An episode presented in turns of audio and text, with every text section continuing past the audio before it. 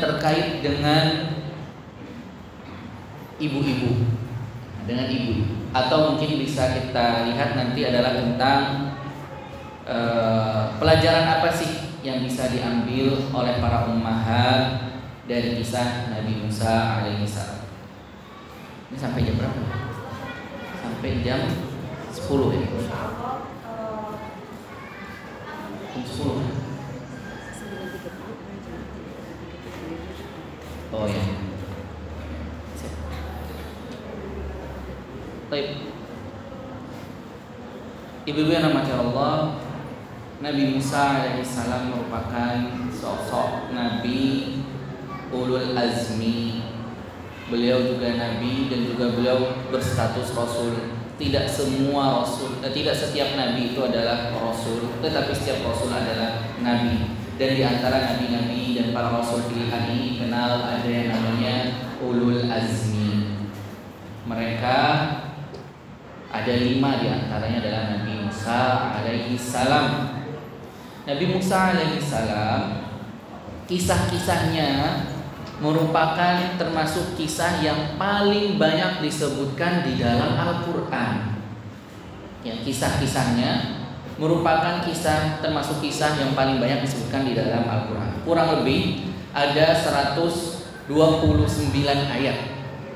129 ayat Al-Quran ayatnya ada 6 ribuan lebih Ada 129 ayat di dalam Al-Quran Yang terdapat pada 25 surat Jadi 114 surat Itu 25 di antaranya Itu mengisahkan tentang siapa? Nabi Musa alaihissalam di antaranya ada Quran surah Al-Baqarah, surah Quran surah Al-Imran, Quran surah An-Nisa, Quran surah Al-Maidah, Al-An'am, Al-A'raf, Yunus, Maryam, Toha, Al-Qasas, Al-Kahfi dan lain sebagainya. Ini menunjukkan bahwasanya kisah Nabi Musa alaihissalam termasuk kisah yang sangat banyak dan kita mengetahui bersama bahwasanya Al-Qur'an merupakan kitab suci umat Islam. Al-Qur'an merupakan kalamullah yang mana kalamullah itu isinya sudah tergaransikan. Isinya adalah wahyu dari Allah. Maka ini adalah suatu yang sangat penting ketika Allah menyebutkan kisah Nabi Musa banyak di dalam Al-Quran. Ini menunjukkan ada pesan penting yang ingin disampaikan oleh Allah Subhanahu wa taala. Perlu kita lihat sebelum kita masuk kepada kisah Nabi Musa bahwasanya Al-Quran yang ada sampai kepada kita merupakan kitab suci umat Islam yang mana tidak perlu lagi ibu-ibu ragu dengan isinya. Tidak perlu lagi ibu-ibu mengganti isinya atau tersinggung dengan isinya. Biasanya ayat yang paling sering menjadikan tersinggung ya bagi kaum ibu-ibu adalah misalkan ayat tentang mohon maaf. Tentang poligami sama wa thulatha Tapi ingat, perlu diingat itu adalah ayat. Kita hormati. Ya, maka bagi para bapak-bapak, ya, besok bapak-bapak nanti diingatkan ya, bahwasanya berpoligami itu ini jadi kajian poligami. Ya, berpoligami itu memang dibolehkan. Dan itu Islam mengatur. Dua, tiga, empat. Karena sebelum Islam datang seseorang pria masa jahiliyah itu nikah boleh berapa saja sampai ratusan boleh. Maka Islam membataskan mereka ini adalah bentuk pemuliaan terhadap para wanita. Ini juga bentuk pemuliaan kepada para wanita. Baik, kembali kepada poin tadi tentang Al-Quran. Yang namanya Al-Quran itu bukan hanya sebagai, mohon maaf, sebagai pajangan. Al-Qurannya tidak dibuka, Al-Qurannya berdebu. Tetapi Al-Quran selain dibaca kata Imam Hasan Al Basri rahimahullah bahwasanya yang namanya Al-Quran itu diturunkan untuk diamalkan. Unzil Al-Quran liya'mal bih fattakhadun nasa tilawatan amala. Kata Imam Hasan Basri, Al-Quran itu diturunkan untuk diamalkan, sedangkan manusia menjadikan Al-Quran sebagai amalan. Artinya apa? Ini adalah peringatan bahwasanya Al-Qur'an ini bukan pajangan, Al-Qur'an bukan hanya sekedar dibaca, Al-Qur'an bukan hanya sekedar dihafal. itu menghafal Al-Quran baru level bawah itu. Tetapi Al-Quran itu harus menjadi pedoman dan kita amalkan. Bagaimana caranya? Di antaranya adalah dengan mengkajinya, membuka terjemahannya, mengkaji tafsirannya sebagaimana akan kita singgung pada hari ini kita akan mengambil faidah beberapa faidah dari kisah Nabi Musa alaihi salam. Ibu-ibu yang dirahmati Allah, Al-Qur'an kata ulama tafsir eh, para mufasir menyebutkan di antara kandungan Al-Qur'an itu ada tiga.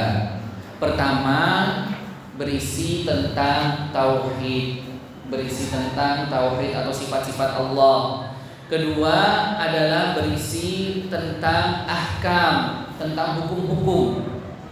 Hukum-hukum. Contohnya eh, hukum di kalangan keluarga, ada ayat tentang waris, ada ayat tentang berutang. Ayat terpanjang di dalam Al-Qur'an adalah ayat tentang berutang, tentang hukum-hukum. Kemudian sepertiga berikutnya adalah tentang kisah-kisah. Sepertiga berikutnya adalah tentang kisah-kisah. Yang mana Allah berfirman di dalam Quran surah Hud ayat 120 wa kullan naqussu 'alaika min anba'ir rusul ma nutsabbita bihi fu'adak Kata Allah dan semua kisah dari rasul-rasul kami ceritakan kepada wahai Muhammad ialah kisah-kisah yang dengannya kami teguhkan hatimu. Artinya apa? Di antara fawaid kita membaca kisah-kisah. Ada mungkin ibu-ibu khususnya yang eh, anak-anak yang masih PAUD. Ya, biasanya pendidikan di usia PAUD adalah ada sentra berkisah. Diberikan di sana kisah-kisah. Kisah-kisah yang memotivasi, kisah-kisah yang memberikan pelajaran-pelajaran penting. Karena dari kisah-kisah tersebut Allah berfirman faqsusil qasas la'allahum yatafakkarun bahwasanya maka ceritakanlah kepada mereka kisah-kisah itu agar mereka berpikir. Karena dengan kisah-kisah ini akan mengasah pola pikir anak. Karena dengan berkisah ini akan mengasah kecerdasan anak. Dan ini bukan dari psikolog yang menyampaikan tetapi sudah 14 abad atau 15 abad yang lalu disampaikan di dalam Al-Qur'an bahwa saya kisah-kisah ini memberikan apa? Memberikan pelajaran penting untuk menggerakkan otak anak dalam berpikir. Maka kisah-kisah yang paling terbaik kisah-kisah baik tidak tidak mengapa mau mendongeng ya, berdongeng. Ya, dengan kisah-kisah berdongeng yang mendidik ini tidak masalah. Jadi perboleh. Tetapi kisah-kisah yang paling baik yang paling abdol adalah kisah-kisah yang dikisahkan di dalam Al-Quran. Atau kisah-kisah yang dikisahkan oleh Rasulullah SAW di dalam hadisnya. Maka kisah-kisah terbaik adalah kisah-kisah yang ada di dalam Al-Quran termasuk di antaranya adalah kisah Nabi Musa alaihi salam yang mana Nabi Musa alaihi salam ini adalah nabi dari keturunan Bani Israel. Ketika disebutkan Bani Israel, maka yang dimaksud adalah Israel ini nama lainnya Nabi Yakub. Israel ini adalah nama lainnya Nabi Yakub bin Ishak. Israel adalah keturunan dari Nabi Yakub alaihissalam termasuk golongan dari Bani Israel yang mana golongan Bani Israel pada saat itu adalah golongan yang beriman kepada Allah Subhanahu wa taala. Dan kalau kita lihat kenapa kok yang banyak di dalam Al-Qur'an ini adalah Nabi Musa, bukan Nabi Isa? Maka kita jawab di antara faidahnya adalah karena di dalam kehidupan Nabi Musa terkandung banyak sekali pelajaran yang dibutuhkan oleh Rasulullah SAW. Karena ketika Rasulullah tiba di kota Madinah, yang nama Allah, Rasul hidup di Madinah itu kehidupannya, masyarakatnya itu heterogen, beraneka ragam. Orang Muslimnya ada, orang Yahudinya pun juga ada yang sudah menetap di kota Madinah. Karena orang-orang Yahudi ini adalah orang-orang yang memiliki kita. Orang-orang Yahudi ini adalah orang-orang yang pintar dari zaman dahulu sampai sekarang. Orang Yahudi terkenal cerdasnya. Tetapi apa? Mereka tidak mengamalkan ilmu yang telah Allah berikan kepada mereka. Oleh karena itu dalam Quran surah Al-Fatihah disebutkan ghairil maghdubi alaihi bukan jalan orang-orang yang engkau murkai. Para ulama tafsir menjelaskan maghdub di sini yang dimaksud adalah mereka yang punya ilmu tetapi tidak mengamalkan yaitu adalah orang-orang Yahudi atau dari golongan umat Islam yang punya ilmu tapi tidak mengamalkan maka ia menyerupai orang-orang itu yaitu adalah orang-orang yang tadi kembali Rasulullah ketika tiba di kota Madinah maka penduduknya bukan hanya muslim saja ada orang muslimnya ada orang Yahudinya ada orang kafirnya bahkan orang yang mengaku Islam menampakkan Islam dan menyembunyikan kekafirannya juga ada Makanya di sana ditampilkan Allah menurunkan ayat-ayat berkaitan dengan Nabi Musa alaihissalam. Di antara faedahnya adalah karena Nabi Musa berinteraksi banyak dengan orang-orang yang mengaku beriman dengan Nabi Musa, yaitu apa? Golongan Yahudi. Orang Yahudi mengimani kenabian Nabi Musa alaihissalam, tetapi tidak mengimani Nabi Isa alaihissalam. Bahkan mereka mengaku membunuh Nabi Isa alaihissalam. Nah, orang Nasrani mereka mengimani Nabi Musa alaihi salam dan mengimani Nabi Isa alaihi salam dan juga bahkan menuhankan Nabi Isa alaihi salam. Oleh karena itu yang banyak disebutkan dalam Al-Qur'an adalah kenapa kok bukan Nabi Isa tapi Nabi Musa? Karena tadi karena Nabi Musa adalah banyak sekali umat manusia di dunia ini yang menyepak yang menyepakati tentang kenabian Nabi Musa alaihi salam. Taib. Ibu-ibu yang nama Allah di antara kisah Nabi Musa alaihissalam Kisahnya dapat dibaca di dalam surah Al-Qasas termasuk kisah yang banyak sekali menyebutkan tentang Nabi Musa alaihissalam itu adalah surah Al-Qasas. Surah Al-Qasas. Di dalam surah Al-Qasas ini dibuka dengan ayat qasimim dengan ayat muqatta'ah.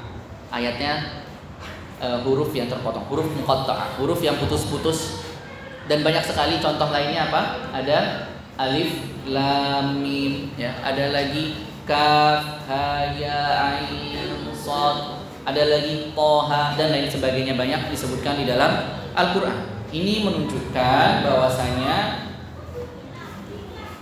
Al-Quran adalah diturunkan dari Allah Subhanahu wa Ta'ala. Kenapa demikian? Karena orang-orang musyrikin Quraisy yang hidup pada zaman Rasulullah SAW mengetahui tentang gramatikal bahasa Arab, pandai bahasa Arab, mereka ber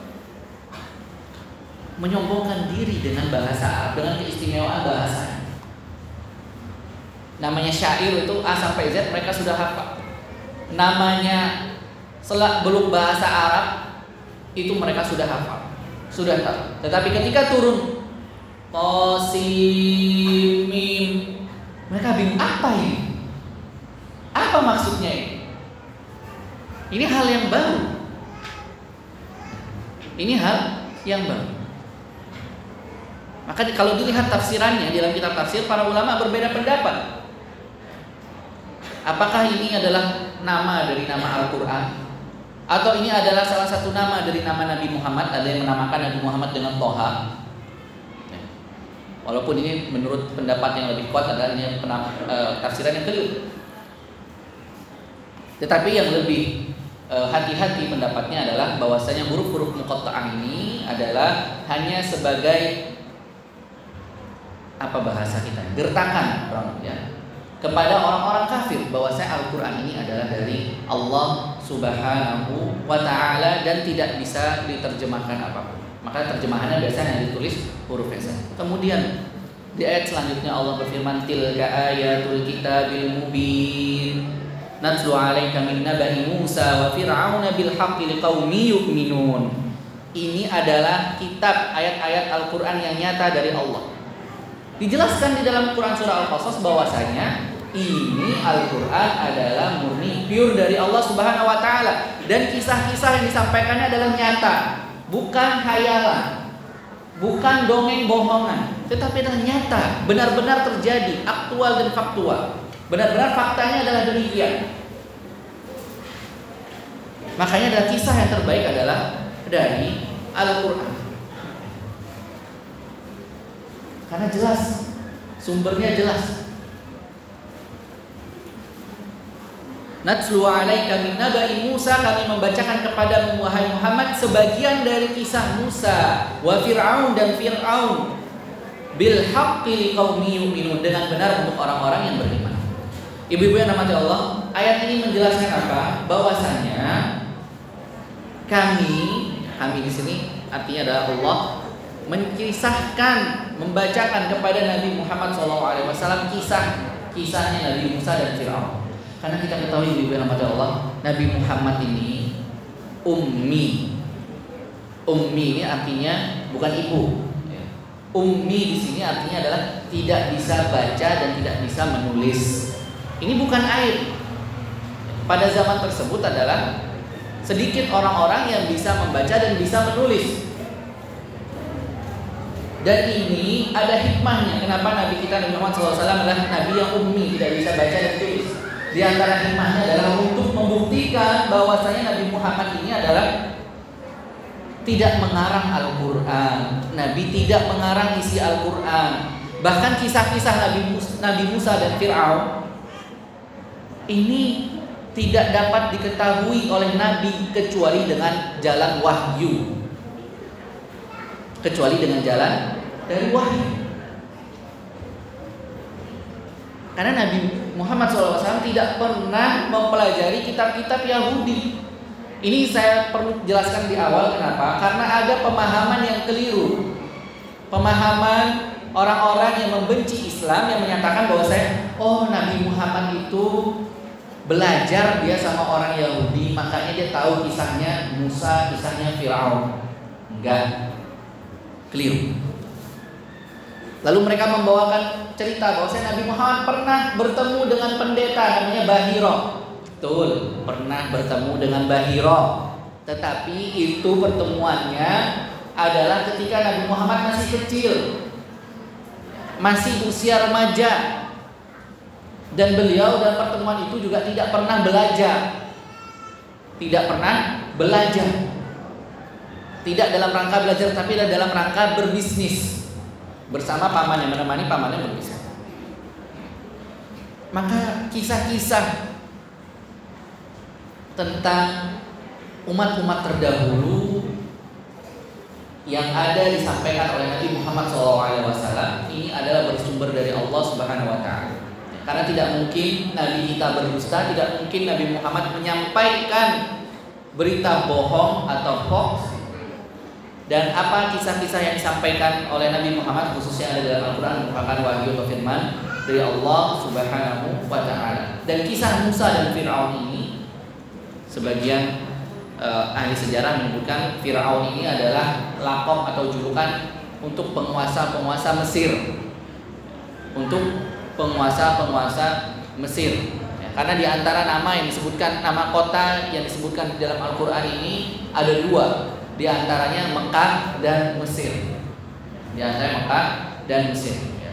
Mesir ini jauh sebelum Nabi Musa sudah ada Nabi Yusuf alaihissalam yang menjadi e, bendahara menteri keuangannya kerajaan Mesir. Jadi jauh sebelum Nabi Musa sudah ada sana hidup Bani Israel juga dan itulah cikal bakal cikal bakal atau muas asalnya Bani Israel ada di kota Mesir itulah pada zaman Nabi Yusuf alaihissalam. Kembali ke dalam Quran surah Al-Qasas ayat 3 Ini adalah disebutkan tentang kisah Nabi Musa dan Fir'aun ya. Untuk siapa? Untuk orang-orang yang beriman Agar kita mengimani. Agar kita mengimani dan mengambil pelajaran atau ibroh dari kisah-kisah tersebut. Kemudian disebutkan di ayat keempat. Inna fir'auna ala fil ardi wa ja'ala ahliha syi'an yastad'ifu ta'ifatan minhum Sesungguhnya Fir'aun telah berbuat sewenang-wenang di muka bumi dan menjadikan penduduknya berpecah belah. Fir'aun ini, ibu-ibu yang mati Allah, pemimpin yang paling kejam. Pemimpin yang paling kejam, paling bengis. Silahkan dilihat buku sejarah. Ada yang menyatakan juga bahwasanya Fir'aun ini menyuruh Bani Israel dengan semena-mena. Ada yang ditugaskan untuk membajak sawah, ada yang ditugaskan untuk e, membangun bangunan tinggi. Di antaranya kita lihat sampai hari ini ada piramid. Itu peradaban Mesir kuno, makanya terkenal. Piramid, bangunan yang tinggi. Ini dibangun di antaranya adalah oleh Bani Israel ya, dengan cara sistem kerja paksa. Ya, dengan cara kerja paksa. Dan Firaun perlu diketahui bahwa saya Mesir ini terdiri kurang lebih dari dua suku besar. Yang pertama adalah suku Kipti. Suku Kipti ini adalah sukunya asli Mesir. Sukunya Fir'aun. Kabilahnya Fir'aun orang Kipti. Ada juga salah seorang budaknya Rasulullah yang kemudian dinikahi oleh Rasulullah. Itu bernama Maria Al-Kiptiyah. Dari Maria Al-Kiptiyah inilah Rasulullah memiliki anak laki bernama Ibrahim ini suku Kipti suku aslinya Mesir kemudian suku yang kedua yang ada di Mesir adalah Bani Israel ini adalah sukunya Nabi Musa dan dan Firaun ini suka memecah belah, suka memberikan uh, onar, suka memberikan onar. Bahkan ia mengklaim dirinya sebagai anarabbukumul a'la. Aku ini adalah Tuhan yang paling. Ini sudah paling kejahatan paling paling paling atas. Mengaku dirinya sebagai Tuhan. Kemudian kita lihat di ayat berikutnya yuzabbihu abna'ahum wa yastahyi nisa'ahum innahu kana minal muslimin. Selain dia berbuat penduduknya membuat penduduknya terpecah belah, kemudian ia juga menindas segolongan dari mereka. Yaitu siapa? Bani-bani Israel. Ditindas, dikasih kerja paksa. Kemudian dia juga yuzabbihu abna'ahum dia menyembelih anak laki-laki mereka dan membiarkan hidup anak-anak perempuan mereka. Sesungguhnya Firaun termasuk orang-orang yang berbuat kerusakan. Artinya apa? Di antara bentuk penindasan Firaun adalah ia membunuh anak laki-laki yang lahir dari Bani Israel karena dia pernah mendapatkan ramalan bahwasanya nanti akan datang seorang laki anak laki-laki dari kalangan Bani Israel yang akan merebut kekuasaanmu. Maka Fir'aun kelabakan, ketakutan, takut akan kehilangan jabatannya. Maka Fir'aun apa? Fir'aun membunuh, memerintahkan untuk membunuh setiap anak laki-laki yang lahir. Kemudian kebijakannya ini direvisi lagi.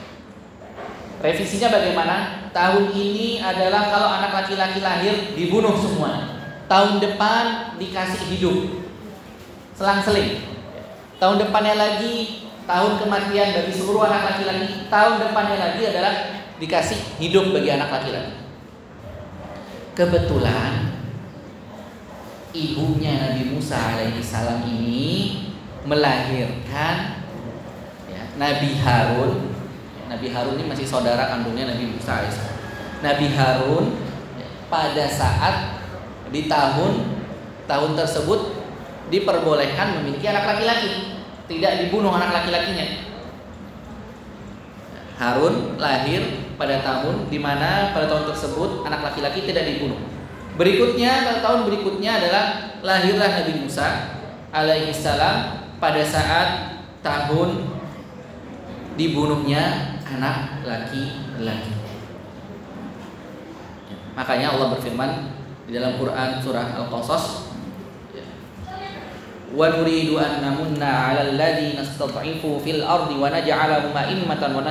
warithin dan kami hendak memberi karunia kepada orang-orang yang tertindas Bani Israel di bumi Mesir itu dan hendak menjadikan mereka pemimpin dan menjadikan mereka orang-orang yang mewarisi bumi. Allah mengabarkan bahwa Allah akan membalik keadaan akan memberikan kemenangan kepada Bani Israel yaitu dengan menjadikan salah satu dari keturunannya akan menjadi pemimpin. Kemudian dan kami akan teguhkan kedudukan mereka di muka bumi dan kami akan perlihatkan kepada Firaun dan Haman beserta tentaranya apa yang selalu mereka khawatirkan dari mereka itu. Ya, ini adalah ayat kelima dan ayat keenam disebutkan Firaun, Haman, wa junudahuma. Firaun nama rajanya Haman, nama perdana menterinya atau nama menterinya. Kemudian junudahuma ini adalah tentara-tentaranya. Jadi adalah orang-orang yang sangat bengis yang bertanggung jawab. Mereka yang bertugas untuk menyembelih. Ibu-ibu yang rahmati Allah, apa janji Allah di sini? Allah hendak memberikan kekuasaan kepada golongan yang lemah. Secara akal, secara logika, kaum yang diperbudak mustahil akan menjadi pemimpin. Rasanya mustahil akan mengalahkan oligarki sekuat Fir'aun ataupun Haman. Ini sama-sama bengis. Atau kita kenal juga ada satu yang orang kayanya di zaman tersebut adalah Korun. Makanya kita biasa dengar kalau ada harta temuan dibilang apa? Harta karun. Karena saking banyaknya dia punya harta. Si karun ini punya banyak harta, Bang. Hartanya banyak sekali. Bahkan kuncinya aja dikisahkan kuncinya itu harus dipikul sama kuli-kuli yang yang berbadan besar. Dan ia diazab dengan dibalik ya, dialip har, dibalik hartanya. Makanya dikenal sebagai harta karun ada Fir'aun ada Haman ada Karun Taib. Ini adalah kekhawatiran Fir'aun dan juga oligarki yang ada pada saat itu tentang kekuasaannya akan hilang dari dan akan dirampas oleh Bani Israel. Dan Allah maha benar dengan firman-Nya dan Allah maha benar dan tidak pernah berdusta dengan kalamnya atau tidak pernah berdusta dengan janjinya, maka Allah berikan karunia tersebut kepada Bani Israel. Suatu ketika lahirlah singkat ceritanya adalah lahirlah Nabi Musa alaihi salam. Ya, Nabi Musa alaihi salam lahir. Lahir dalam keadaan di tahun tersebut ya, di tahun tersebut sedang uh, sedang digencarkannya pembunuhan bagi anak bayi laki-laki. Maka ibunda Nabi Musa khawatir. Ada yang menyebutkan ada yang menyebutkan nama ibunya Yohebed atau Yukabida atau Yohebed. Ini adalah uh, ada yang menyebutkan namanya adalah Yohebed atau Yukabida atau Yukbada. Allah alam adalah dari kisah-kisah Israiliyat yang mana kita tidak membenarkannya dan juga tidak mendustakannya. Adapun di dalam Al-Qur'an disebutkan apa? Wa auhayna ila ummi Musa an ardi'ih. Maka ketika lahir tersebut Nabi Musa ibunya sudah kebingungan. Ya. Yohebet ini atau ibunya Nabi Musa atau juga dikenal dengan istri Imran ini kebingungan ini mau dikemanakan Wajar seorang ibu biasanya ada kepanikan ketika mendapatkan anaknya dalam kondisi genting. Wajar, sifat wanita. Maka apa? Diilhamkan kata Allah, wa auhayna ila ummi Musa dan kami ilhamkan kepada ibu Musa. Wallahu alam bagaimana caranya? Saya tidak tahu, tapi intinya ada diilhamkan ada sebagian oknum yang menyatakan bahwasanya kalau begitu ibunda Nabi Musa ini nabi dong, kan diilhamkan. Enggak. Ya, ini adalah pemahaman yang keliru karena nabi tidak ada yang perempuan. Dan kami ilhamkan kepada ibunda Musa an ardi'i susuilah dia. Susuilah dia ketika telah lahir. Ya, biasanya hal yang ibu lakukan di antaranya adalah menyusui anak yang dilahirkan tersebut. Kemudian apa? Fa idza khifti alaihi fa alqihi fil yammi wa la. Kemudian setelah disusui apa kata Allah? Dan apabila kamu khawatir terhadapnya, maka jatuhkanlah dia ke sungai Nil. Maka jatuhkanlah dia ke mana? Ke sungai Nil. Sungai Nil ini silakan ibu buka di YouTube ya atau mungkin di peta termasuk sungai yang terpanjang di Afrika yang melintasi dua dua negara kalau sekarang eh, Mesir sama Sudan. Sungainya panjang, deres ya jangan disamain sama Kali Bandung di sini atau sama apa, apa kolam pancingan apa sini. Enggak, ya. Taman pancing ya. Jangan disamain sama taman pancing gitu kan. Mau ngetes mungkin besok anaknya ibu mau dihanyutkan di sana Jangan disamakan. Karena sungai ini sungai yang sangat panjang, sangat besar. Sangat besar, memiliki arus yang luar biasa juga arus. Allah perintahkan apa? Jatuhkan dia ke sungai Nil. Anak ini disuruh jatuhkan ke sungai Nil tentu dengan keranjang. Dikisahkan bahwa saya dibuatkanlah keranjang ibunya Nabi Musa alaihissalam memberikan eh, membuat keranjang khusus untuk bayi tersebut. Ya, untuk bayi tersebut dan dia menyembunyikan kelahiran anak itu. Tapi yang namanya setiap disembunyikan pasti nanti akan ketahuan. Pasti akan ketahuan. Maka dia sangat khawatir dengan kondisi bayinya. Maka ia buat keranjang ketika mendapatkan ilham ini. Ia buatkan keranjang dan ia akan menghanyutkannya ke sungai Nil. Ke sungai Nil, sungai yang sangat deras. Dikisahkan bahwasanya pakai tali dulu, dijatuhin pakai tali, kemudian ditarik lagi. Dilihat anaknya, oh airnya nggak masuk. Dua kali, tiga kali dia tuh anaknya aman nggak masuk, baru kemudian dihanyutkan saya nggak tahu. Saya tidak pernah merasakan yang namanya melahirkan. Ibu-ibu di sini insya Allah semuanya merasakan yang namanya melahirkan. Bagaimana seorang ibu yang baru melahirkan kemudian membuang anaknya di sungai. Silahkan perasaan beratnya bagaimana?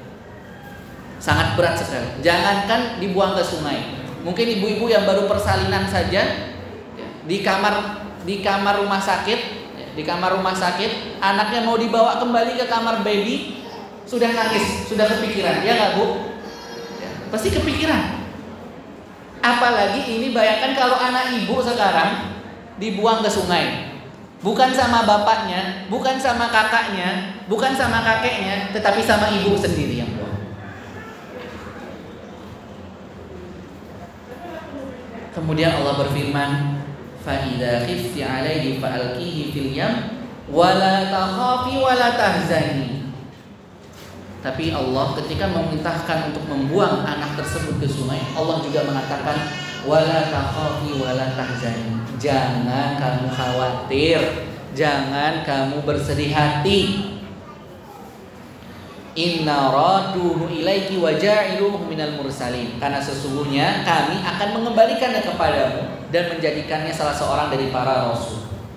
Silahkan dicek Quran soal Qasas ayat 7. Maka selain memberikan perintah untuk menjatuhkan anak tersebut ke sungai, Allah juga mengilhamkan, Allah juga menghibur.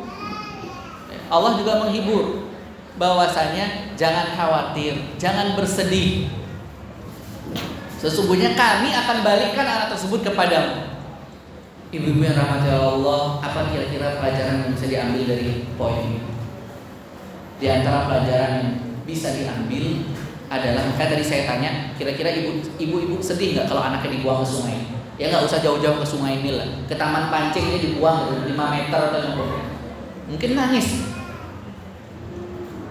Misalkan suami ibu-ibu bilang, ayo buang sudah anaknya nanti saya jamin jangan khawatir kira-kira mau nggak karena apa? Karena nggak ada yang bisa jamin. Manusia nggak bisa jamin keselamatan orang. Tapi ini Allah menjamin keselamatan orang Allah mengatakan apa? Jangan takut jangan sedih. Ini dua perasaan takut dan sedih. Kita khawatir atas anaknya wajar. Sebagai ibu-ibu yang mengandung sudah lama 9 bulan, eh tiba-tiba disuruh hanyutin, suruh buang. Takut dan bersedih. Ini adalah pelajaran yang bisa ibu-ibu ambil dari ibunda Nabi Musa alaihissalam. Ibunda Nabi Musa merupakan sosok yang memiliki tauhid yang kuat. Tawakalnya sudah tingkat tinggi. Bahkan ketika diperintahkan oleh Allah suatu perintah yang mungkin dinalar logika kita, ia lakukan. Karena? Karena ia percaya bahwa saya Allah tidak akan berdusta. Karena ia percaya bahwa saya Allah akan menepati janjinya. Wala takhafi inna raduhu ilaik. Sungguh kami akan balikkan lagi kepadamu. Ibu-ibu yang dapat Allah, zaman tersebut belum ada GPS, belum ada WA, belum ada kamera buat naruh di keranjangnya Nabi Musa kamera buat memantau misalkan ada di mana dilacak, belum ada. Cuman modal keyakinan, percaya kepada Allah, kuatkan diri hati kepada Allah dan yakin sudah bahwa saya Allah tidak akan mengingkari janjinya. Modal awal ibunda yang soleh. pelajaran yang sangat penting dari ibunda dari Musa Aris. Maka ibu rahmati Allah ini juga poin penting tentang kalau begitu bagaimana cara kita agar menjadi wanita yang bertauhid yaitu dengan terus belajar. Mohon maaf para ibunda yang dirahmati Allah, maka ini adalah penting yang kita untuk senantiasa mengupgrade diri dari belajar. Khususnya ada tentang tauhid. Namanya belajar tauhid ini mungkin membosankan itu aja materinya Ustaz tauhid diulang-ulang tapi itulah yang terpenting Ibu-ibu bosan gak mengucapkan kalimat la ilaha illallah wa la syarika lahul mulku wa lahul hamdu wa ala kulli syai'in qadir. Ini adalah kalimat tauhid yang dibaca diperintahkan dibaca berulang-ulang. Setiap ba'da sholat, setiap hari zikir pagi, zikir sore. Doanya itu aja sudah. Kenapa sih doanya adalah kalimatnya adalah la ilaha illallah wa la syarika lahul mulku wa lahul hamdu wa ala kulli syai'in qadir. Di antara poinnya adalah kenapa doanya adalah tersebut adalah ini adalah doanya mengandung kalimat tauhid. Dan seorang mukmin, seorang muslim hendaknya ada tidak bosan untuk mengucapkan kalimat tauhid. Dan ibu-ibu yang Allah, ibu-ibu adalah para wanita yang mulia dalam Islam. Islam itu adalah memuliakan wanita. Contoh simpelnya saja adalah kisah ibu Nabi Musa. Kita tidak pernah tidak mendapatkan dalam Al-Quran kisah bapaknya Nabi Musa. Ada enggak? Enggak. Yang ada adalah kisahnya Nabi Musa. Kemudian ada lagi kisahnya e, ibunda ibunda Nabi Isa ibunya Nabi Ini menunjukkan adalah kemuliaan wanita. Wanita-wanita yang tangguh akan melahirkan sosok yang tangguh. Dan ketangguhan yang pertama yang harus dimiliki seorang ibu adalah tentang tauhid, tentang tauhid. Karena itulah modal yang paling pertama adalah modalnya adalah tentang percaya. Sudah percaya sama Allah. Percaya sama Allah Subhanahu wa taala. Kemudian setelah percaya, kepada Allah, mentauhidkan Allah, percaya dengan janji Allah, maka berikutnya adalah sabar. Jangan khawatir, jangan bersedih, maka apa? Bersabar. Kata Rasul sifat seorang mukmin itu yang baik itu ada dua. Kalau diberikan kenikmatan, diberikan kelapangan rezeki, maka ia bersyukur. Bersyukur. Tentu syukurnya bukan sekedar Alhamdulillah enggak tetapi syukur itu harus terimplementasikan dengan tiga hal yang pertama adalah mensyukuri dengan hati kedua adalah mensyukuri dengan lisan kita mengucapkan hamdalah misalnya yang ketiga adalah terimplementasikan dengan amalan. Semakin kita diberikan rezeki semakin kita diberikan kelapangan kita mensyukurinya dengan apa? Dengan semakin bertambahnya ketaatan.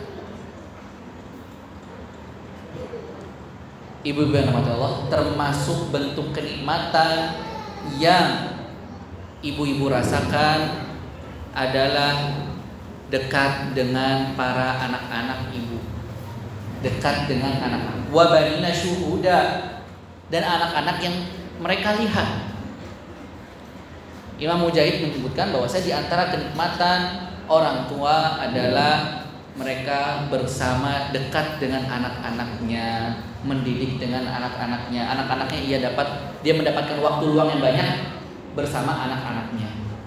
Ini termasuk bentuk kenikmatan. Maka kita lihat ibunda Nabi Musa alaihissalam memiliki keimanan yang kuat, tawakal yang kuat, dan yang perlu dicatat ketika seorang memiliki keimanan yang kuat bukan berarti dia bebas dari ujian, maka dia diuji. Pasti diuji dan ujian yang paling berat tersebut makin tinggi keimanan seorang maka makin berat juga ujiannya. Oh kalau gitu Ustaz kita nggak usah beriman aja biar nggak diujian. Enggak. Ibu-ibu mengetahui bahwa saya di dalam eh, dunia e, sekolah saja ada yang namanya ujian. Kalau misalkan di sini mengaji misalkan ada yang namanya ujian sebelum kenaikan jus misalkan. Ada kita tasmi Quran sebelum jus berikutnya diuji. Semakin diuji, makanya adalah untuk melihat kualitas sang anak. Baru kemudian melanjutkan ke jenjang berikutnya. Begitu juga dengan keimanan. Iman itu yazidu wa kus. Keimanan itu kayak baterai HP.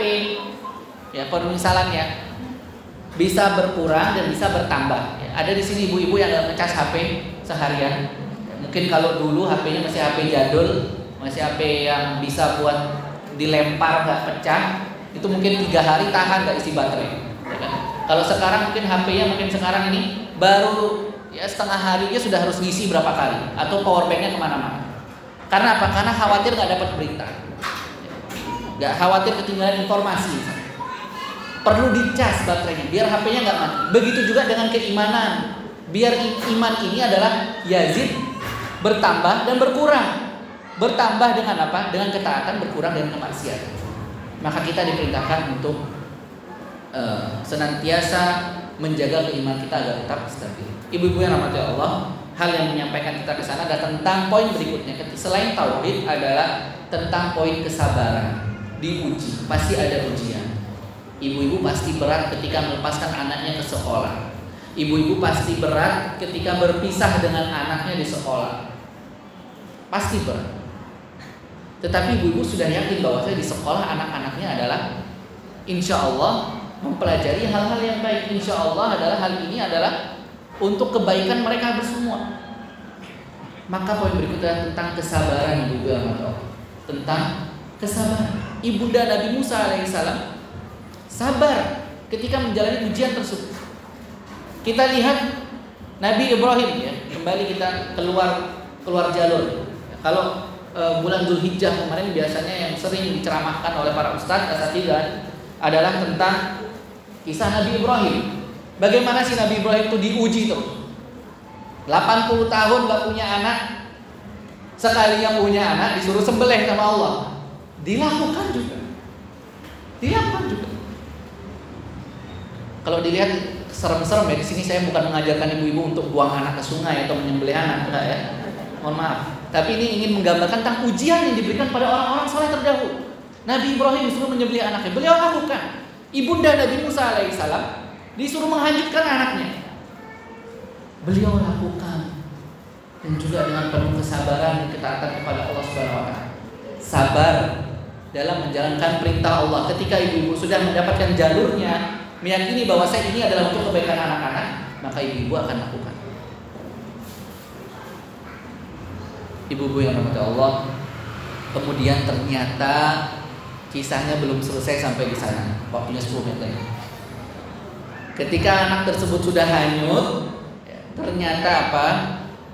Ternyata niatnya mau menghanyutkan agar lari dari kejaran pasukan Firaun, agar lari da jauh dari keluarga Firaun. Eh, ternyata ranjang keranjang ini, ya, keranjang yang berisikan Nabi Musa ini adalah nyangkut di sekitaran kerajaan istana Fir'aun yang mana singkat cerita para selir, para permaisuri berlomba-lomba memungut ya, para permaisuri bukan, para selir ya.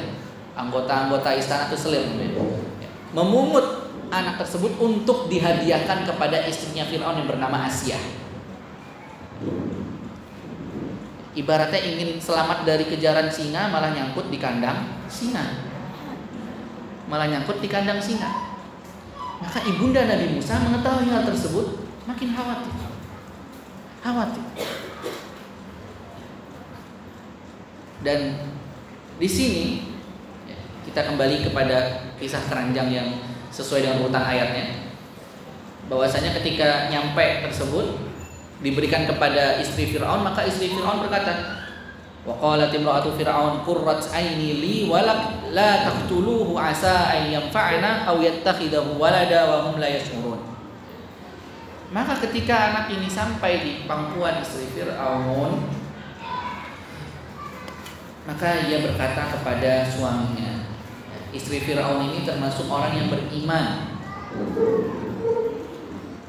dan ia sabar dengan kelakuan suaminya bersabar dengan kelakuan suami jadi banyak sekali ibu ya wanita-wanita dari kisah Nabi Musa ini. Yang pertama tadi ibunda Nabi Musa. Yang kedua adalah Asia istri Fir'aun ini disebutkan dalam Al-Quran. Wanita yang beriman dan sabar terhadap gangguan suaminya. Wanita yang solehah dan sabar terhadap gangguan atau cercaan suaminya. Kemudian nanti yang berikutnya ada wanita berikutnya adalah kakak perempuan dari Nabi Musa yang senantiasa mengawasi dari jauh tentang keberadaan Nabi Musa AS. Kembali ke ke Asia. Asia ini berkata, jangan kau bunuh anak ini, karena ia adalah penyejuk mata bagiku dan penyejuk mata bagimu. Ya, Asia ini mandul, gak punya anak. Maka janganlah kamu membunuhnya. Mudah-mudahan ia bermanfaat kepada kita atau kita ambil ia menjadi anak. Maka mengadopsi anak ini memang sudah ada dari dulu dan diperbolehkan di dalam Islam. Maka anak ini tiba-tiba Allah memberikan rasa senang terhadap Asia terhadap istri Firaun. Inilah bentuk penjagaan Allah kepada Nabi Musa. Bahwa saya dibuatnya si musuhnya ini adalah Firaun dan keluarganya jatuh hati kepada sosok bayi yang ada di keranjang ini. Ini hal yang tidak diduga-duga, di luar nalar. Mana ada ibunya Nabi Musa menyangka oh tenang nanti bakal diambil. Enggak, ibunya juga lagi gonjang-ganjing juga. Lagi khawatir. Ya, bahkan disebutkan di dalam Al-Qur'an apa? Wa asbaha fuadu ummi Musa farigo. Hatinya ini sudah kosong. Kosong. Hatinya kosong, kepikiran sama anak. Yang namanya sabar ini ya, pasti ibu-ibu juga merasakan yang namanya sabar itu ya susah. Ya kan? Gak ada sabar yang happy-happyan. Begitulah ujian. Yang namanya sabar tapi nanti ujungnya sabar itu adalah pahit tetapi akan berbuah manis. Sabar itu dengan proses yang ada itu pahit, capek. Bahkan disebutkan dalam Al-Quran apa? Hatinya ibunya Nabi Musa itu kosong. Hampir-hampir apa? Hampir saja ia menyatakan rahasia tentang Musa. Hampir ya keceplosan itu anakku. Hampir ya keceplosan kosong sudah bingung mau ngapain bunda bulan hampir saja keceplosan mengatakan itu adalah anaknya dia maka apa kata Allah seandainya tidak kami teguhkan hatinya supaya ia termasuk orang-orang yang percaya kepada janji Allah ya kata Allah sesungguhnya hampir saja ibunya Musa ini menyatakan rahasia tentang Musa kalau seandainya tidak kami teguhkan hatinya supaya ia termasuk orang-orang yang percaya kepada janji Allah makanya ibu yang Allah ini juga pelajaran dari ibunda Nabi Musa. Ketika kita bersabar dalam menghadapi proses khususnya adalah proses pendidikan anak-anak kita di sekolah. Maka kita harus memanage emosi kita.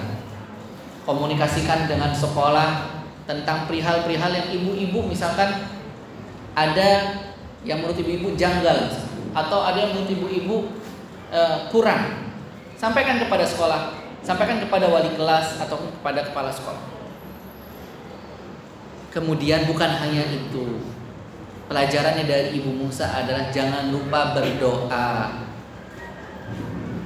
Karena apa? Seandainya kata Allah tidak kami teguhkan hatinya, maka inilah pentingnya kita untuk berdoa akan keteguhan hati kita.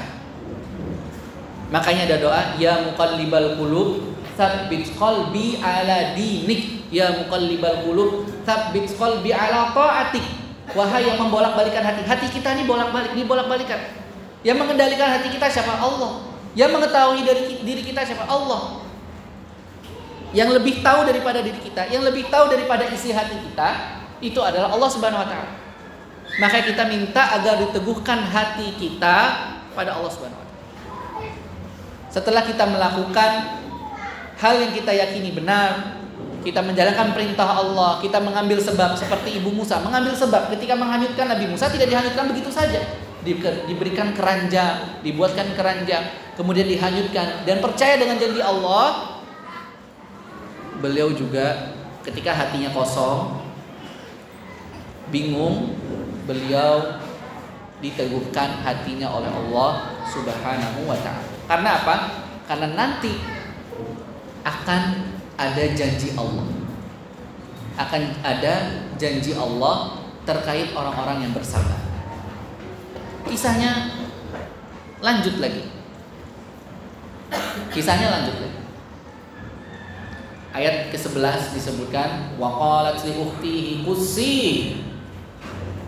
dan berkatalah ibu Musa kepada saudara Musa yang perempuan kusi ikutinlah dia ikutin itu keranjang itu ke mana mengalir ikutin maka saudara perempuannya ini melihat dari jauh melihat Nabi Musa dari jauh dari kejauhan tetapi keluarga Firaun tidak mengetahui bahwa ia sedang diikuti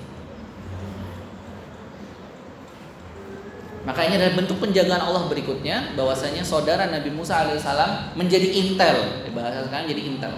Ke mana nih keranjang? Oh ternyata ada di istana Fir'aun. Kemudian di ayat ke-12 disebutkan keadaan Nabi Musa ketika itu ada di istana. Tentu yang namanya bayi, pingin apa ibu-ibu? Pingin susu. Wa harramna alaihi al-maradi'a min qabl maka kami cegah Musa dari menyusu kepada perempuan-perempuan yang mau menyusuinya. Maka Fir'aun buat sayembara, siapa yang bisa menyusui bayi tersebut, maka akan dapat upah. Namun Allah mencegah seluruh wanita yang ingin menyusui Nabi Musa tersebut. Dicegah, nggak bisa, ditolak. Bayi kecil tersebut menolak, nggak mau nyusu. Maka tadi siapa kakaknya ngikutin kan kakak Nabi Musa ngikutin.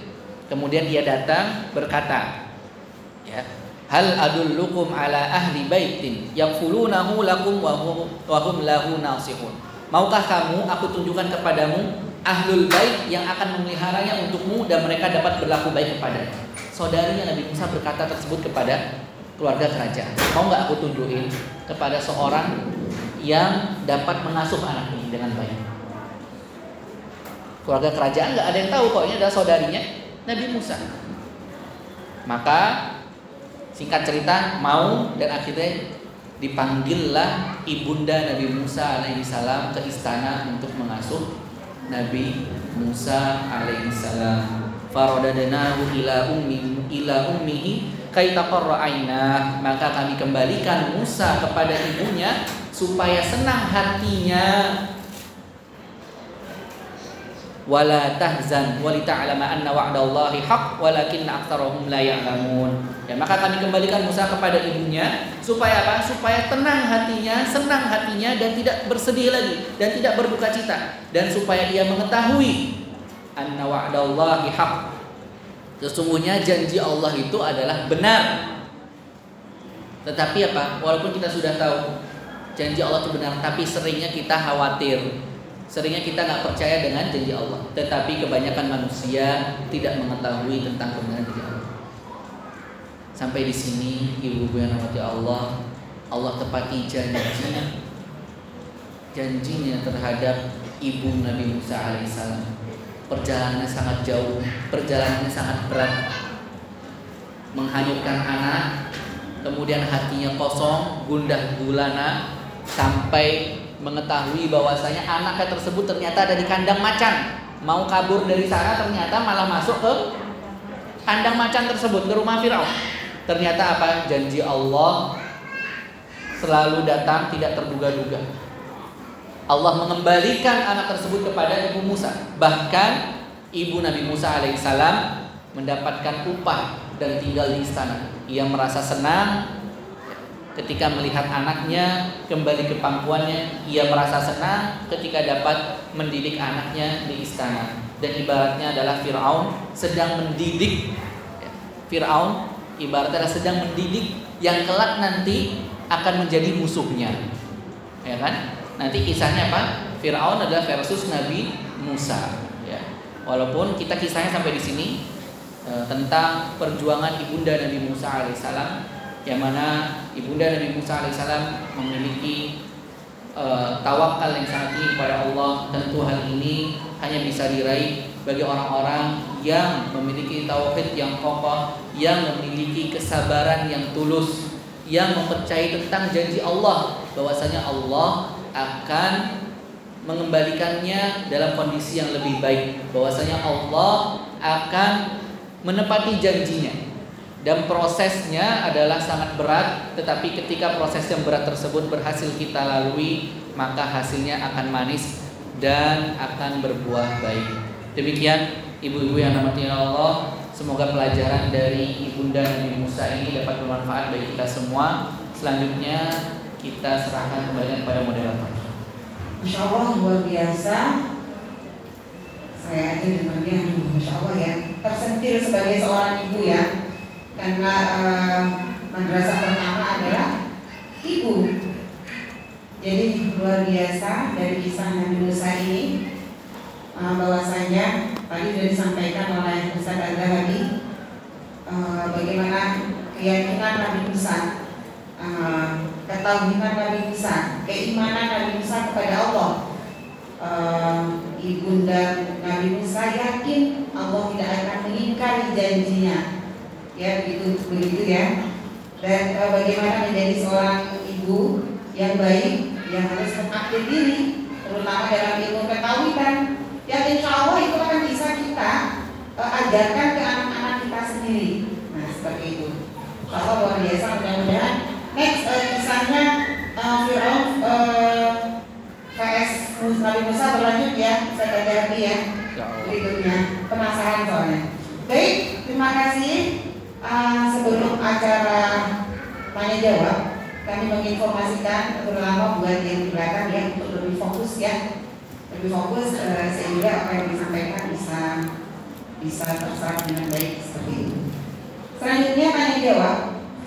Soal tanya jawab ini uh, kami batasi ya karena akan bergantian dengan sesi yang kedua dua orang. Kira-kira ada yang mau ditanyakan khususnya mengenai apa yang sudah disampaikan tadi? Insya Allah Hitungan ke sepuluh ya. Satu Dua Sembilan Sepuluh. Oh. Mama Ibra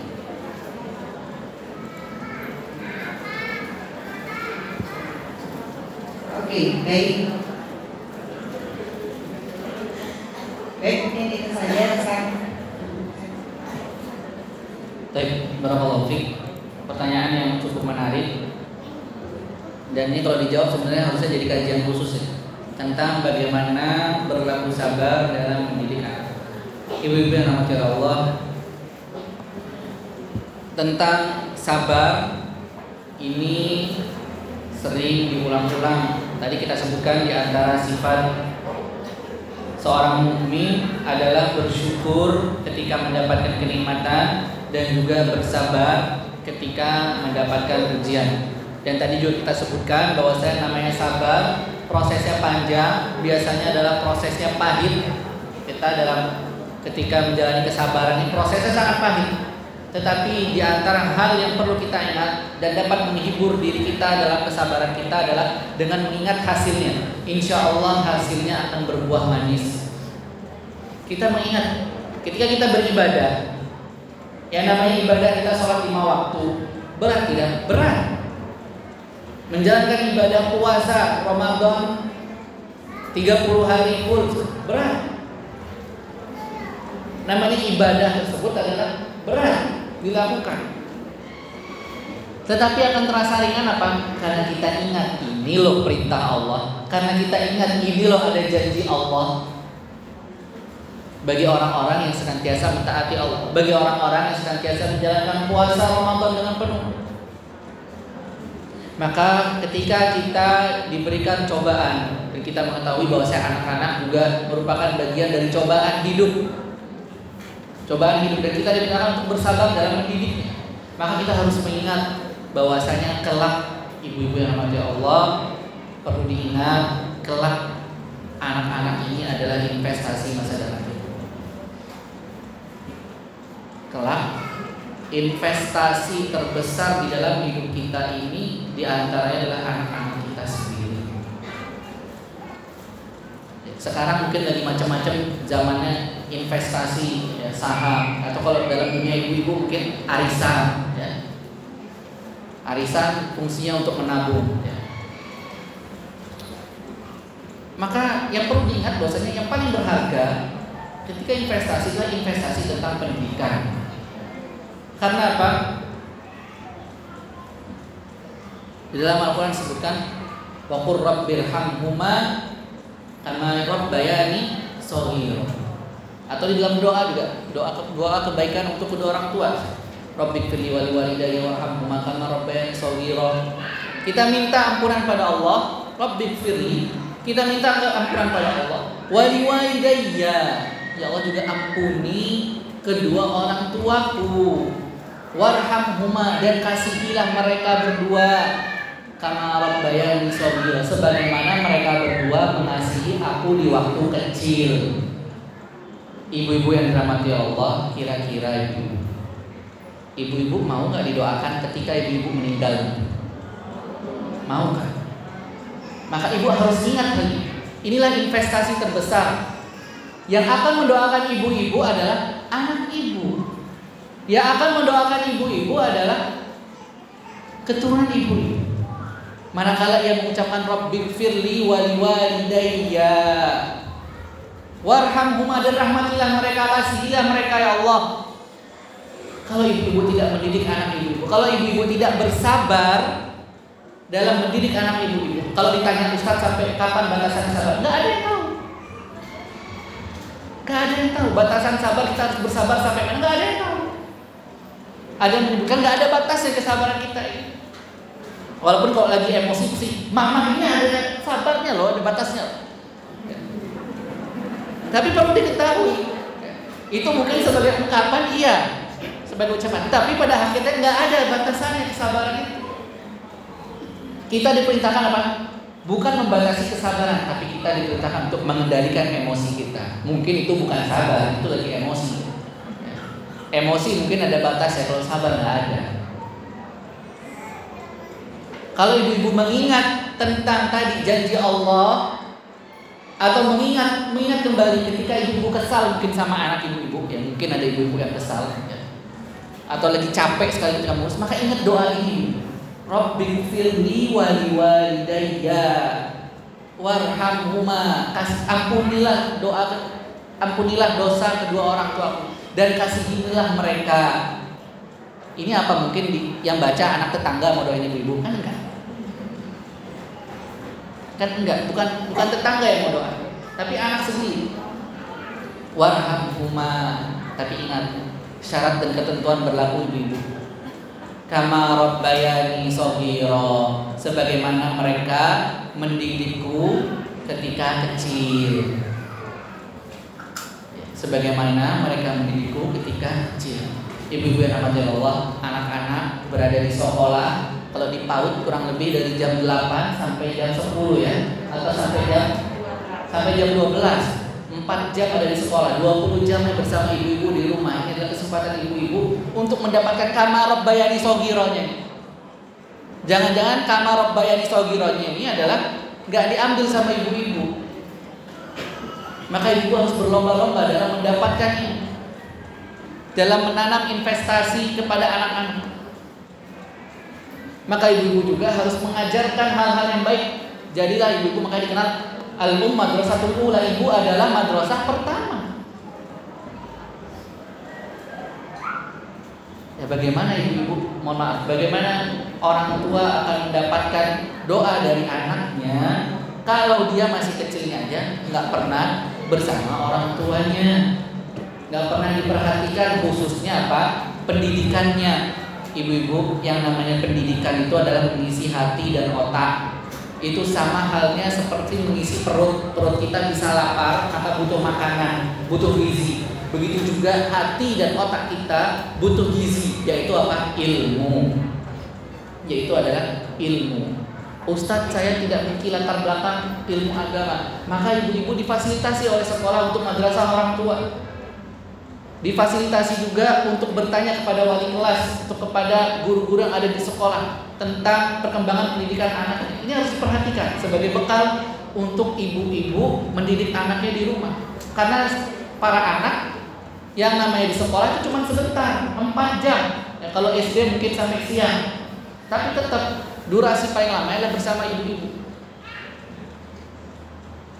Ya. Mohon maaf, yang namanya para anak memiliki hak untuk istirahat.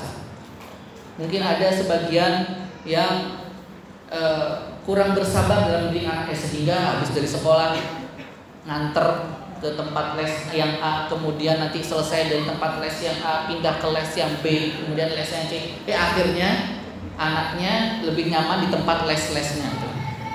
Dan berpulang dari satu tempat les ke les yang lain. Lupa sama rumah sendiri. Bangun tidur bangun tidur buka mata ketemu ibu guru. Ya. mau tidur ya, ketemu ibu guru yang lain lagi. Lupa sama muka ibunya misalkan. Maka hati-hati dulu. Ini menjadi semoga menjadi motivasi bagi kita bersama dalam mendidik anak-anak kita dengan berlaku sabar sabar ini nggak bisa batasnya dan saya harapkan di antara kunci yang paling penting adalah kita mengingat ini adalah doa atau titipan dari Allah pada kita dan ini akan menjadi hal yang baik doa kita bahkan sampai kita meninggal nanti. Kemudian ibu Allah poin berikutnya yang paling penting adalah jangan berhenti untuk mendoakan kebaikan untuk anak-anak. Kalau ibu-ibu ingin didoakan anak-anak, maka jangan lupa ibu-ibu juga mendoakan anak-anak dan juga para gurunya. Kenapa demikian? Karena guru-guru juga butuh doa, support doa dari para orang tua. Ibundanya Imam Syafi'i rahimahullah itu menitipkan kepada guru Imam Syafi'i. Siapa? Gurunya Imam Syafi'i adalah Imam Malik. Dititipkan. Tentu ada ibunya Imam Syafi'i adalah wanita yang cerdas, bersabar dan juga mendoakan Imam Malik rahimahullah. Tapi mungkin semoga penjelasan yang uh, panjang lebar ini dapat menjawab pertanyaan dari tanya Allah. Satu lagi, Assalamualaikum warahmatullahi wabarakatuh. Uh, saya ingin bertanya sebenarnya ganjaran Ustaz tadi mengenai sabar, kemudian anak adalah titipan Allah yang diamankan kepada kita semua. Uh, saya pernah membaca Ustaz karena kebetulan alhamdulillah Allah titipkan saya anak yang uh, berkebutuhan khusus. Dan saya pernah membaca sebuah buku buku itu merupakan terapi anak dengan menggunakan metode Al-Quran. Di dalam buku itu dikatakan bahwa Allah itu pasti menciptakan uh, makhluknya dengan segala kesempurnaan. Dan buku itu dikatakan juga apabila kemudian ada anak-anak yang dilahirkan dalam kondisi yang secara lahiriah tidak sempurna atau mungkin secara perkembangan ada persoalan berarti itu ada yang harus dilakukan adalah orang tua mengintrospeksi bahwa berarti ada kesalahan-kesalahan yang dilakukan orang tua di masa lalu yang kemudian itu Allah beri pelajaran kepada orang tua lewat anak-anaknya. Apakah benar demikian Ustaz? Saya agak sedikit mengganjal dengan persoalan itu karena e, di situ juga ada assessment bahwa yang harus dilakukan orang tua adalah menelusuri apa-apa saja yang pernah dilakukan orang tua di masa lalu, dosa-dosa apa saja termasuk kakek neneknya. Saya kok jadinya seperti kok seperti ini ya cara memahami apakah itu uh, sesuatu hal yang tidak tepat atau bagaimana Ustaz? Karena saya ilmunya masih minim, jadi saya selama ini mencari jawabannya dan belum dapat. Terima kasih Ustaz. Assalamualaikum warahmatullahi wabarakatuh.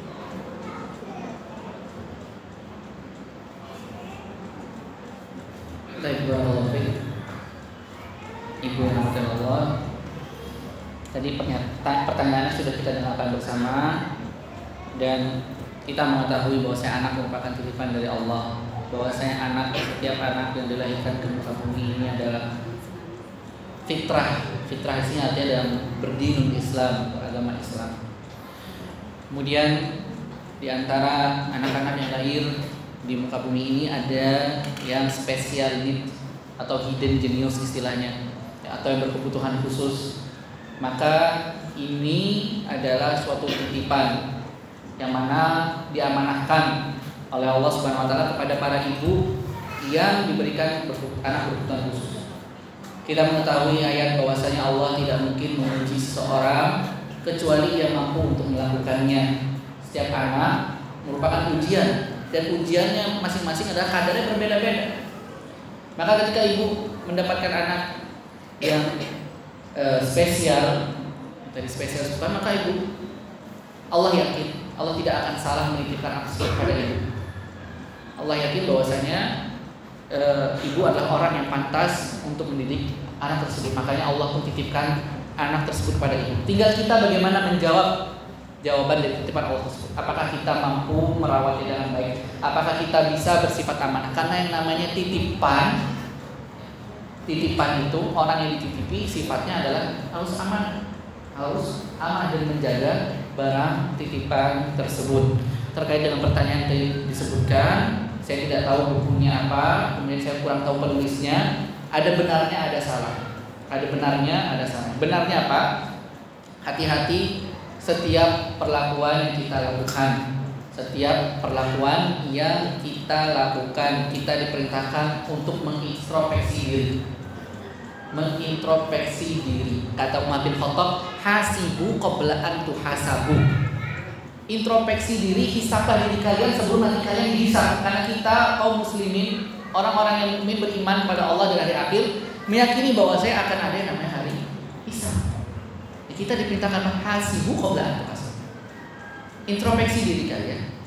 Evaluasi diri kalian setiap hari, setiap sebelum tidur dan bersiaplah kata Umar bin Khattab dan bersiaplah untuk menanti pertemuan yang agung yaitu apa hari pembalasan ibu-ibu kalau mau kondangan mau nggak pakai baju yang biasa aja pakai daster?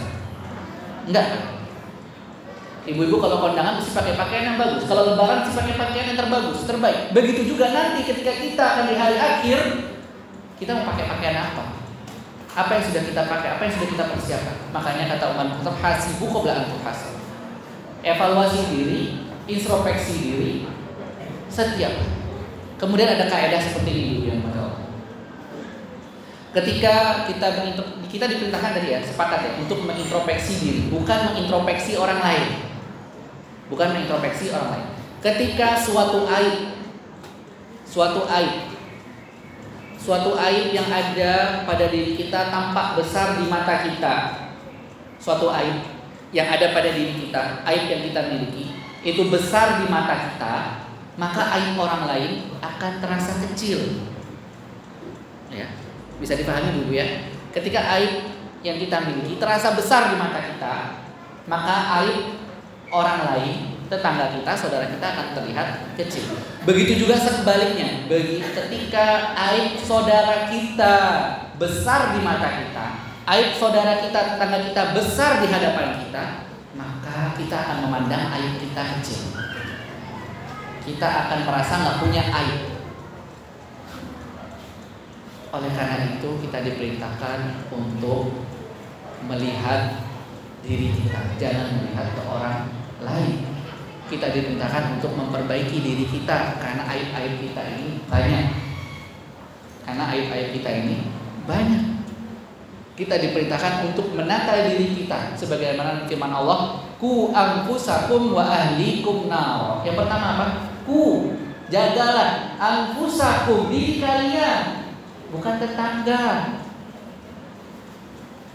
Bukan teman bukan sahabat. Ku anfusakum. Jaga dulu diri. Ibu-ibu kalau naik pesawat biasanya ada pramugari akan menyampaikan nanti kalau kadar oksigen di dalam pesawat berkurang maka akan turun masker ya, dari atas. Kemudian silakan kenakan terlebih dahulu sebelum Anda menolong orang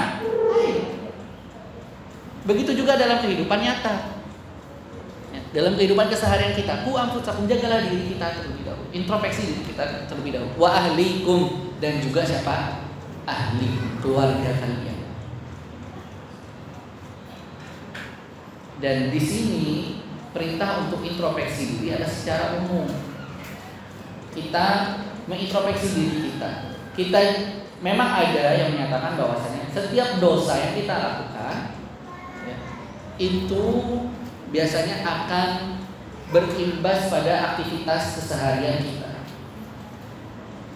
Setiap dosa kita lakukan, misalkan contohnya adalah ya kalau dari kalangan para tabiin yang pernah saya baca adalah ketika ada seorang ulama yang tunggangannya dia menunggang kuda, dia merasa kudanya ini nggak benar jalannya, ya. kudanya ini nggak benar jalannya, maka ia kembali mengintrospeksi dirinya. Oh ternyata ada dosa, ada kesalahan yang aku lakukan. Ada dosa, ada kesalahan yang apa aku, aku lakukan. Oleh karena itu, ya, kita yang poin terpenting adalah tentang introspeksi diri, bukan mengintrospeksi orang lain.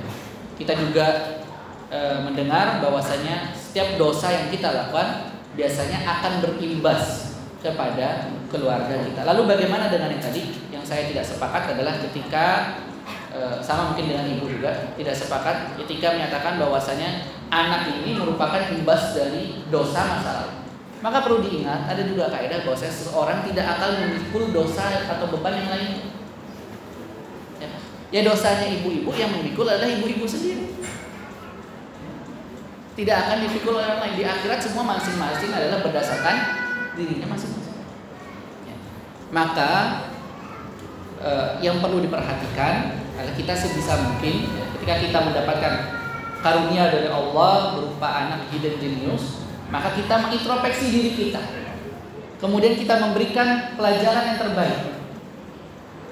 Bukan berarti kita nyari-nyari kesalahan orang tua kita maka ini juga tidak tidak benar.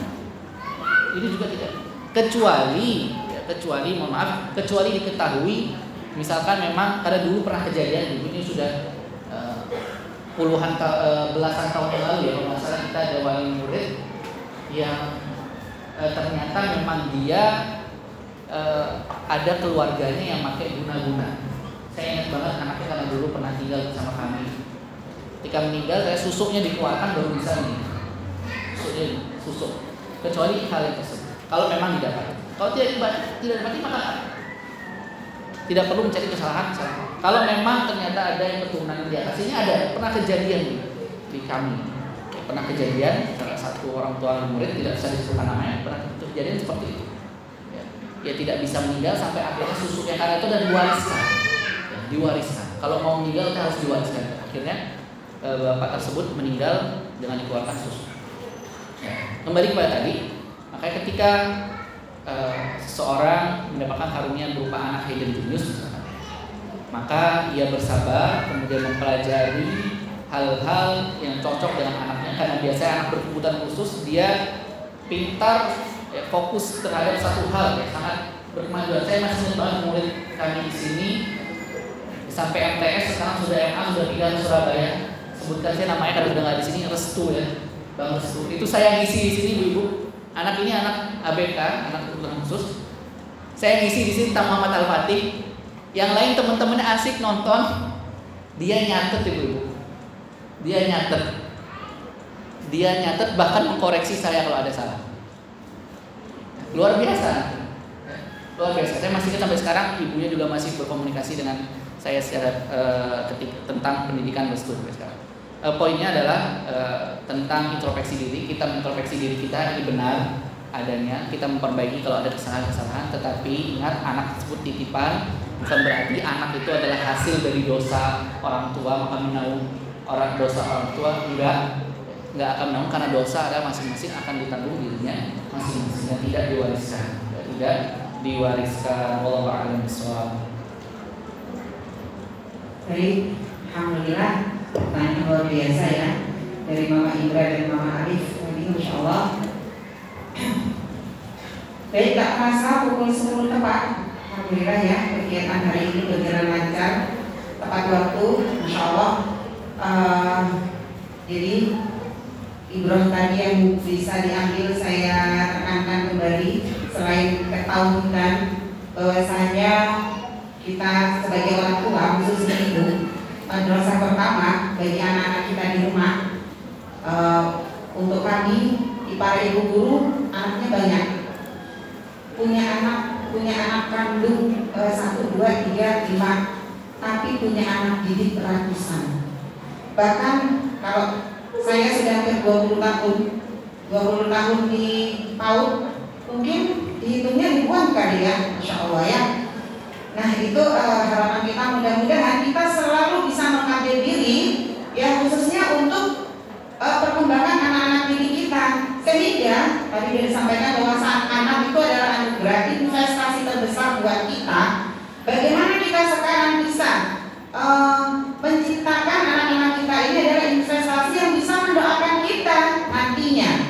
Karena tadi bukan anak tetangga yang mendoakan kita bukan anak saudara gitu ya.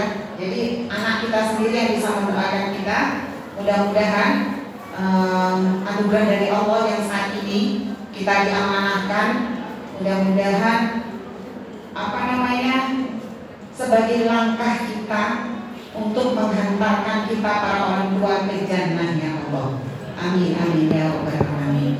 Baik luar biasa jazakumullah khairan Ustaz Nadia tadi atas pemaparannya tadi mudah-mudahan sebagai motivasi kita untuk uh, karena ada hadis Nabi Shallallahu Alaihi Wasallam yang sudah familiar juga dengan anak-anak Tolabul ilmi faridatun ala kulli muslimin wa muslimatin bahwasanya menuntut ilmu itu wajib bagi muslim dan muslimat baik itu dia anak orang tua bapak-bapak ayah uh, ibu uh, semuanya adalah wajib untuk menuntut ilmu. Sekian dari saya uh, selaku MC hari ini mengucapkan Mohon maaf yang sebesar-besarnya dari panitia hingga dari awal menyebutkan kami sampai di akhir kurang lebih dua jam ya kurang lebih dua jam jika ada yang tidak berkenan mohon maaf yang sebesar-besarnya kesempurnaan dalam milik Allah. Mudah-mudahan keluar dari sini sudah punya ini ya sudah punya istilahnya wah aku mau menciptakan investasi